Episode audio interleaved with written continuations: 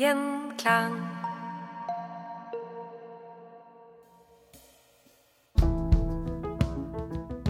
Velkommen til Historier som endret verden. I dag har vi internasjonalt og celebert besøk fra England, og denne episoden kommer da til å foregå på engelsk. Jeg håper ikke det blir et problem for dere lyttere. Og temaet i dag er Colditz, et fryktet superfengsel i Tyskland under andre verdenskrig, som først og fremst huset fangede offiserer fra England, Frankrike og Polen og Nederland etc., etc. And our guest today is no other than the esteemed writer Ben McIntyre. Welcome. Thank you very much. You've already written several highly acclaimed non-fiction books about different characters and events from the Second World War, and now you've written a new one. In Norwegian, it's named Fangeslottet Colditz. And since this is a history podcast, and the fact that Colditz isn't as embedded in Norwegian culture and, and collective memory as it is in Britain, I have to ask, what and where is Colditz?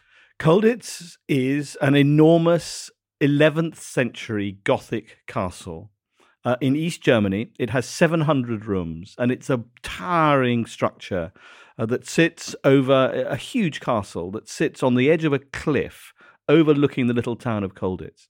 And it was built in the 11th century by the electors of Saxony, who were the hereditary rulers of that part of, of Europe.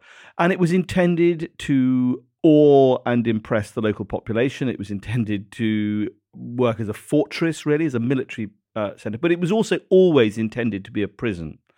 Oh, And- since the beginning. Yeah, Oh. yeah. It always it always incarcerated people who didn't want to be inside that. Now, whether that was uh, relatives of the electors or other people, but but but it was always a place of incarceration. And then at the beginning of the war, the German army, the Wehrmacht, designated it as a particular kind of prisoner of war camp. It was the only one of its kind. And it was designated Oflag 4C. So it was a prison camp for captured Allied officers, British, but also French, Polish, Dutch, Belgian. And what distinguished these prisoners from, from the rest of the prisoner of war population uh, in the Third Reich was that these were prisoners who had tried, in almost all cases, to escape from another prison camp. And so they were designated Deutschfeindlich, German unfriendly. and so the idea was that um, that by locking these particular men up in one place, they would be easier to control, and and that Colditz, this huge castle, would become a place that was impossible to escape from. But that you- was the idea. Yeah, but you're you're collecting everyone who's who tries to escape and are probably quite good at it into the same place. Yes, there were two central flaws with this idea.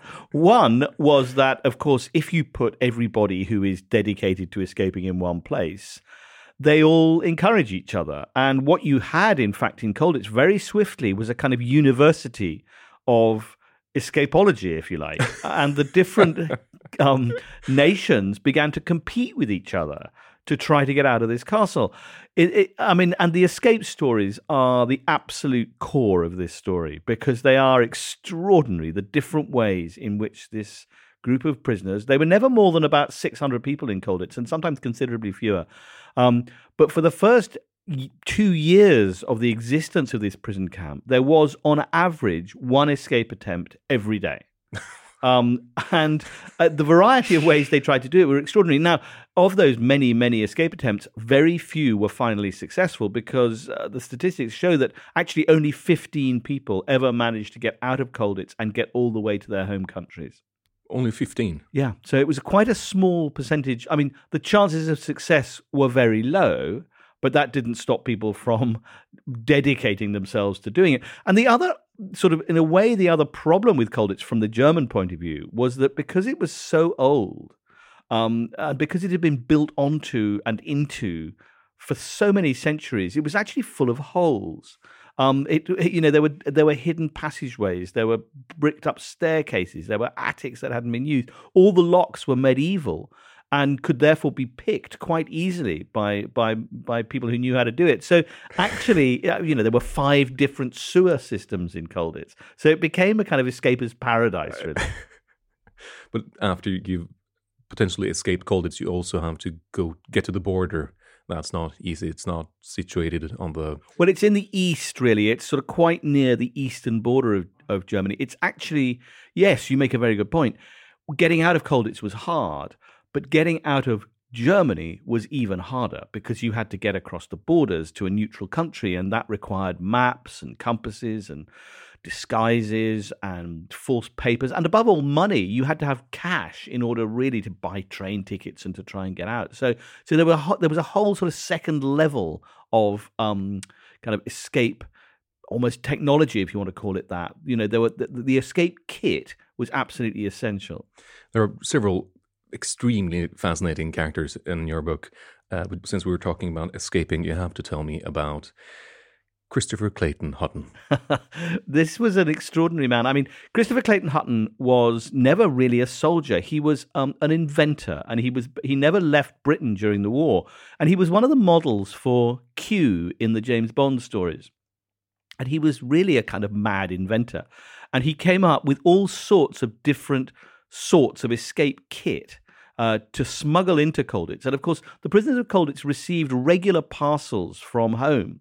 Uh, and those were an opportunity for Clutty, as he was known, Christopher Clayton Hutton, and his colleagues in British intelligence to try to infiltrate, smuggle in different sorts of escape kit. And Clutty was brilliant at it. I mean, he was, wasn't very good at anything else, but he was extremely good at inventing escape kit and he managed to smuggle in hundreds of maps and compasses hidden inside gramophone records, secreted inside board games, inside chess pieces.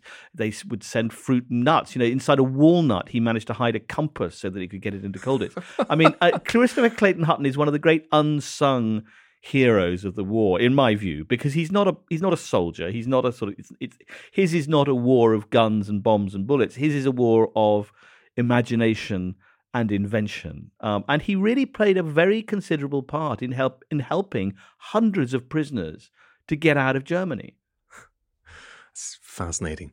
But you said they received parcels from home. Was that normal in a prisoner of war camp? Well, it was. There was a there was a system of Red Cross parcels that were delivered regularly, which con- contained sort of staple foods and so on, and, and th- those were not used to smuggle in items. But if you were an officer, and it's a very important distinction, this if you were a captured officer, you had certain privileges and rights under the Geneva Convention, and the German army, which ran Colditz, tried to stick to the rules. And, and under those rules, you were allowed to receive a certain number of parcels from home every week. And and in fact you could you could receive several letters a week. And not only the parcels were used um, to smuggle in sort of useful items into Colditz. I mean, at one point they managed to smuggle in enough kit to build a radio. Uh, and and a generator. I mean, quite a lot of stuff was getting into Colditz, but also the letters were used to send secret messages to the prisoners of Colditz. And, the, and, and there was a special code, and I reproduce it in the book, used by the prisoners to send secret messages back to Britain and, and, and indeed back to, to French intelligence in exile as well. So these looked like ordinary letters sent to families, but actually they contained very important bits of intelligence. So this was not a concentration camp. This was a prisoner of war camp with officers inside it. But how were the their German captors how did they treat their um, their prisoners? Well, the extraordinary thing about Colditz is that look, it wasn't a holiday camp. It wasn't a comfortable place to be. It was cold, it was damp, it was smelly, it was, you know, boring. But it wasn't a concentration camp. It was not a it wasn't a place run by the SS. It wasn't a camp where you were liable to sudden and capricious death. So, so there were rules, and it was run by the Wehrmacht. And on the whole, the German army tried, not all of them, but but most of them, to stick to the rules. And it has to be said that that by no means all the German garrison were Nazis. In fact, I think Nazis were in a minority. Very few of them actually had joined oh. the, the, the, Nazi party. Um, and there was a kind of grudging. I don't want to exaggerate this, but there was a sort of grudging respect between the officers uh, in captivity and the officers of the German army. So, so they tried to treat each other to a certain degree with a certain amount of respect. I mean, it, it, it, that didn't stop the, the officers from, from mocking and goading their captors at all times. but there's one particular character on the German side who became, in a way, the sort of hidden narrator of this story. And his name was Reinhold Eggers, and he was head of security at Colditz. And he was a man, he was a very sort of um, upright, kind of Prussian military officer, but he was also a man of great um, civilization and great courtesy. And he wrote a diary about the job of being security officer in Colditz. And it's a real insight into a sort of completely different perspective on the sort of prison camp experience because Eggers tried his best to stick to the rules. Uh, it didn't mean that he wasn't going to stop people. You know, if you if you were caught trying to escape and you refused to surrender, you were going to be shot. I mean, there was no doubt. You know, it was a life and death thing. But but in a way, Eggers is also the archivist of Colditz because he gathered every time he managed to foil an escape attempt, he would gather the he would confiscate really the, the escape equipment and keep it in what he called the Colditz Museum, which became a kind of central artifact collection, really, of everything that had gone on. So he too, in a way, regarded escaping as if it was a branch of science. Only he was on the other side of the uh, the other side of the equation. And he was a former school teacher in England. He was an Anglophile. That's right. He he he, uh, he, he was an extraordinary man. He spoke perfect English. He had taught in a grammar school in in in England in a particularly sort of lovely and polite and civilized part of the country, uh, which gave him a very sort of warped view of what British people were like. He thought they would all be like the people he'd known in Cheltenham.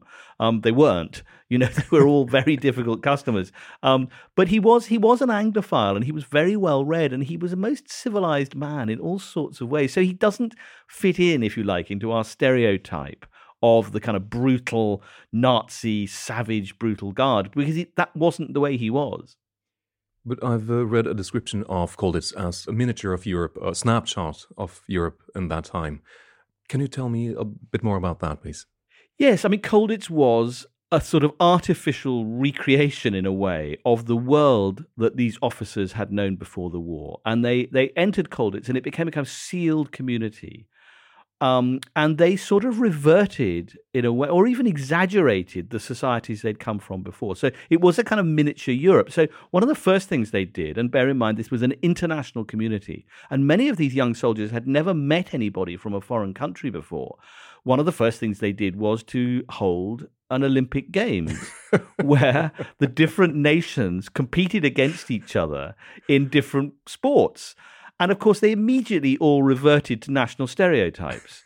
Uh, the Poles tried very hard and sort of won everything. The French uh, pretended not to try very hard and, and, won what the Poles didn't. And the Brits really didn't try at all and lost everything. Um, and they all sort of treated each other as if they were in this sort of strange theatrical world. So it is a kind of microcosm of a wider European society, uh, for good and ill. I mean, it has to be said, they also in, imported all the prejudices and biases and attitudes towards class and race and religion and politics that they had had on the outside. So it's an extraordinary place, Colditz, because while it was always presented after the war as being a kind of unified world, a band of brothers, everyone was on the same side, actually inside the camp it was very divided. It was very divided on, on lines of nationality and class and general attitude. So there were real tensions inside Colditz that really have never been written about before. Hei, Christian fra Historier som verden her. 7. til 21. mars inviterer Universitetet i Oslo til festivalen Inn i historien. Det blir samtaler, foredrag, filmvisning, byvandring og mye mer. Jeg skal i hvert fall se okkultisme og heksebrenning på selveste kvinnedagen på Deichmanske Oppsal og kanskje nazistenes bruk av Ibsen på Majorstua bibliotek 11. mars. Det er masse som skjer, og faktisk så skal jeg ikke bare ha én, men to livepoder. 12. mars klokken seks på Deichmanske Romsås skal jeg snakke med Kjerstin Aukrust om det franske kolonirikets fall. Og dagen etter, 13. mars, også klokken seks, skal jeg snakke med Anders Bettum om da Europa ble så hodeløst forelsket i mumier og pyramider at det bikket over til egyptomani. Dette er da på Deichmanske på Nordtvedt. Dette blir kjempegøy, og det er utrolig mye bra på plakaten. Sjekk ut hf.uio.no, eller så kan du bare google 'Inn i historien', så finner du hele programmet. Det er masse å se, og alt er gratis.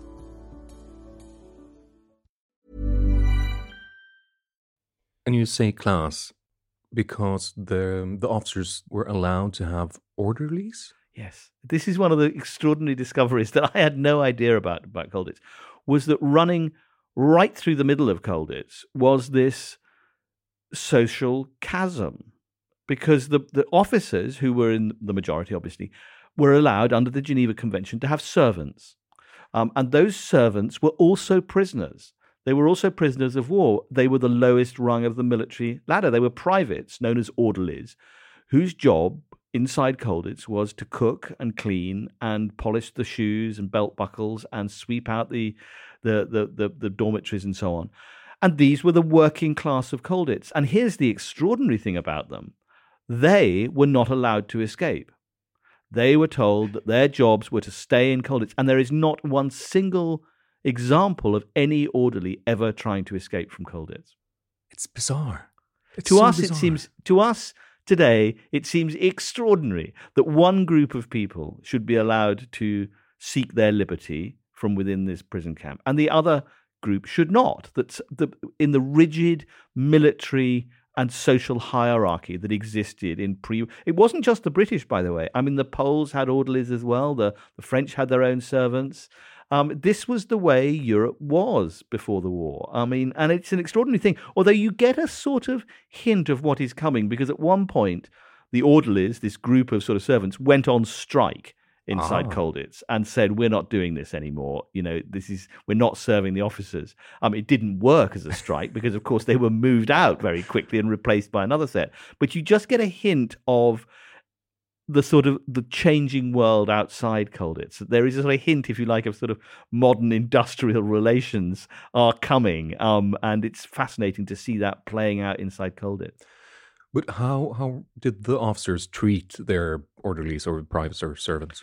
Well, on the whole, they treated them pretty well. Uh, it wasn't that they were unkind to them on the whole. They just regarded them as being people of a lower order, much as the ruling class in all European countries treated the working class. They were there to, to cook and clean, and they were expected to obey unconditionally. They were supposed to do exactly what they were told to do. They were ordered around. So it's it, it again. It seems extraordinary to us. I, I say that generally they were well treated. I mean, in some cases they were extremely badly treated. Um, and there is one example um, which uh, sticks out for me, which is a very famous uh, flying officer called Douglas Bader, who was probably the most famous uh, pilot of the war on either side, who- who'd lost both his legs in a flying accident before the war. Um, and was very, very famous, not only in Britain, also in Germany. I mean, he was well known to the Germans. And when they Oh. captured him, he was treated as a kind of celebrity um, and was taken to Colditz uh, with his servant, with his batman, a man called Alec Ross um, who's, who who cooked and cleaned and scrubbed and served for Bader, carried him up and down stairs four flights of his bath every day, and and Bader treated his orderly with absolute sort of disdain. Really, he he treated him as a complete sort of nobody. Really, never thanked him, never shared his rations with him, never kind of never did anything for him. Really, and then when when Ross, when this character was actually chosen for repatriation at one point, there was a sort of prisoner exchange deal going on. Um, Bader refused to let him go back. Bader said, You are here as my servant, and you are going to stay as my servant. And this poor man spent another two and a half years in prison because Bader wouldn't let him go home. Jesus, yeah. It seems extraordinary, Yeah, doesn't it? I mean, yes. and why? I mean, the question that raises to me about that is why did this orderly not turn round to Bader and say, Well, stuff you, yeah. I'm going home anyway. And, and he was asked that question, Ross. There's a wonderful recording um, that he made for the Imperial War Museum. Uh, the Imperial War Museum contains a wonderful collection of voice recordings of many of these prisoners that were made in the 80s and 90s. And in Ross's is very poignant because he describes this moment when Bader refuses to let him go home. And the interviewer asks him, Why did you not just go anyway? And Ross said, the, re- the fact that you're asking me that question shows that you don't understand what military discipline was in the Second World War. If a senior officer ordered you to do something, that is what you did. But in the book, you also mention race. Was segregation uh, an issue as well? There was a race issue inside Colditz. I'll give you. I'll give you one. I'll give you two examples of it. One very early on in the story, the French, some of the French officers in Colditz demanded that the Jews, the Jewish officers, that their French Jewish compatriots, be be put elsewhere. That they be housed in a different part of the castle, uh, and they were anti-Semitic French adherents of the Vichy regime. So, so it's a complicated situation where you, these are captives of the Germans, and yet the, the, the, government they support, the Vichy regime in southern France, was collaborating with the Germans, and so they they brought with them many of those attitudes, including this kind of vicious anti-Semitism. And sure enough, the French Jews were moved to a different part of the castle by the Germans, who saw it as a propaganda opportunity. Now, this this caused a, an explosion within Colditz because particularly the British officers. Uh, some, there were plenty of British anti-Semites in, in Britain, I'm sorry to say, but but they were appalled by the idea that the French would insist on, on their on their Jewish compatriots, and it caused a real battle within Colditz. There was a real conflict. But but the Brits were not uh, immune from racial prejudice themselves, and there is a very extraordinary example of this, unknown. It's never been written about before, but there was one non-white officer in the British contingent, and he was an Indian. He was an Indian doctor called uh, Birendranath Mazumdar, and he was treated by some of the other white officers with the kind of most extreme racism. He was nicknamed, he was called names, he was made to cook and clean. He too was told that he was not allowed to escape because he was the wrong color. He but was, he was an officer. He was an officer. He had a, he had as much right as anybody else to get out or to try to get out, but he was told uh, in a sort of coded way, but pretty clearly, you're not the type uh, of escaper that we want because you'll be picked up. And I don't want to give away anything for your reader, for the readers and, and listeners, but Mazumdar's story has an extraordinary ending because he he refuses to be held back, uh, and in a way, his escape, I don't want to give away too much about it, is doubly brave because he's not just escaping from the Germans, he also escapes from this this kind of brutal racist attitude. Were there other social distinctions inside Colditz? Yes, I mean, as we said, it, you know, this was a reflection of wider society, and not only, as we said, there was a working class and there was a ruling class, but believe it or not, there was also an aristocracy. In, there was a sort of nobility inside Colditz. Now, these were a particular group of prisoners, known as the Prominente by the Germans, who had been selected because they were considered to be of particular value, um, and that meant they were either aristocrats or they were people with sort of particular social or, or political connections. Now, there were two nephews of the king of, of Great Britain were inside uh, in the Prominente Club.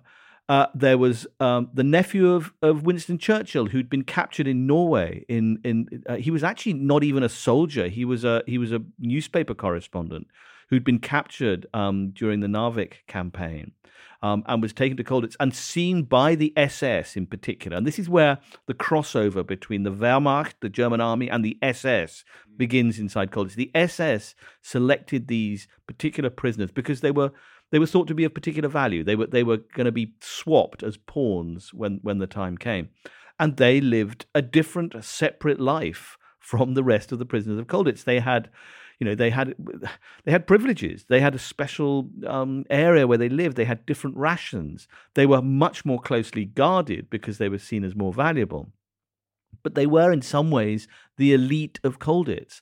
And amazingly, even within that group was another even more elite group. So they had a club inside Colditz uh, called the Bullingdon Club.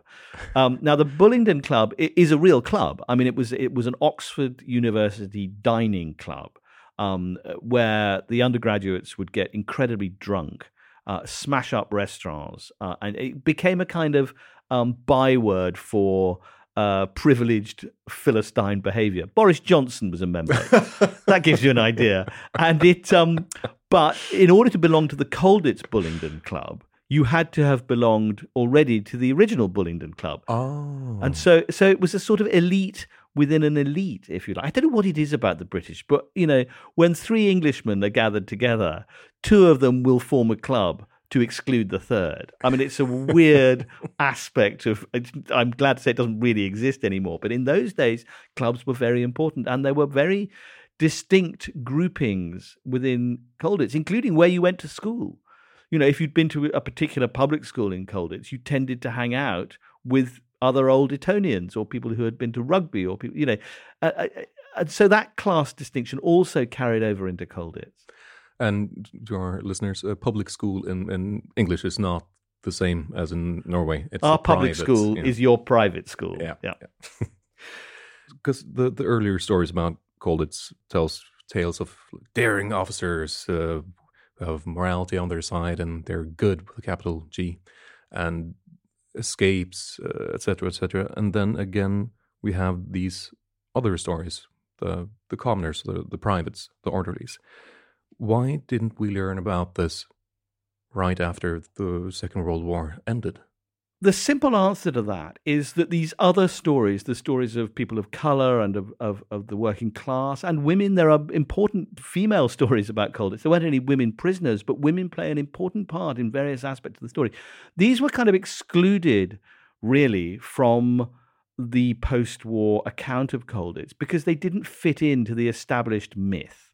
The myth was this was a great boiling pot of brave British officers with moustaches digging their way to a different sort of victory. I mean, that's I'm I'm I'm caricaturing it, yeah. but that is in a way. I grew up in the 1970s, and there was a famous black and white BBC drama of Colditz, uh, which was then the most popular television program ever made by the BBC, and it was watched by. I think it was one third of the entire British population was glued wow. to this story. And it told a story, as I've just described, of these chipper, happy, jolly British chaps, you know, doing the right thing and king and country. And, and it was stirring and it was brilliant and I loved it. It was terribly exciting. But, it, and it was partly true. I mean, that's the thing about legends is they're often based in a, in a kind of reality. But of course, even then, I knew I could. You could tell it wasn't the whole story. There's another whole area of life going on inside Colditz, and I think you can understand why. I mean, in the post-war world, there had been uh, hundreds of thousands of people had been made prisoner during the war. But here was a way of telling that story that gave them dignity and purpose and meaning.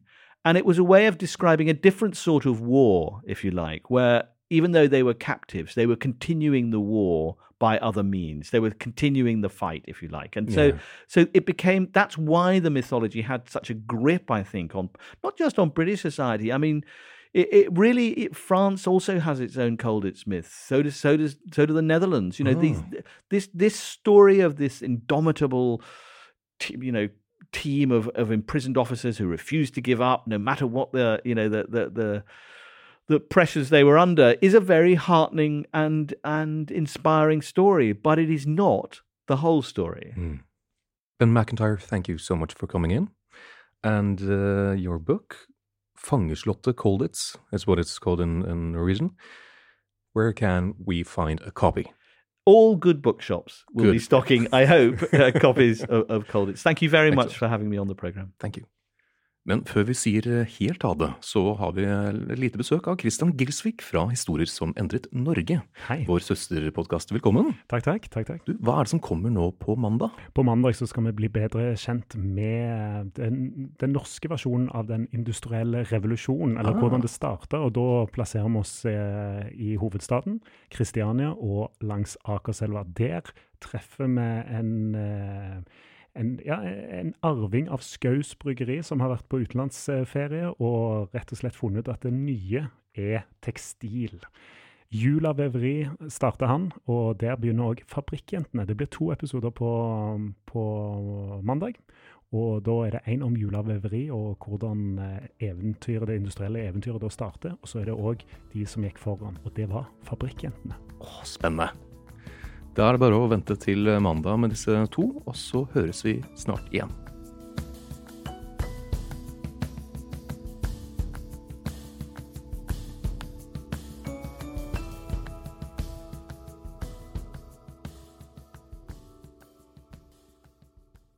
Gjenklang.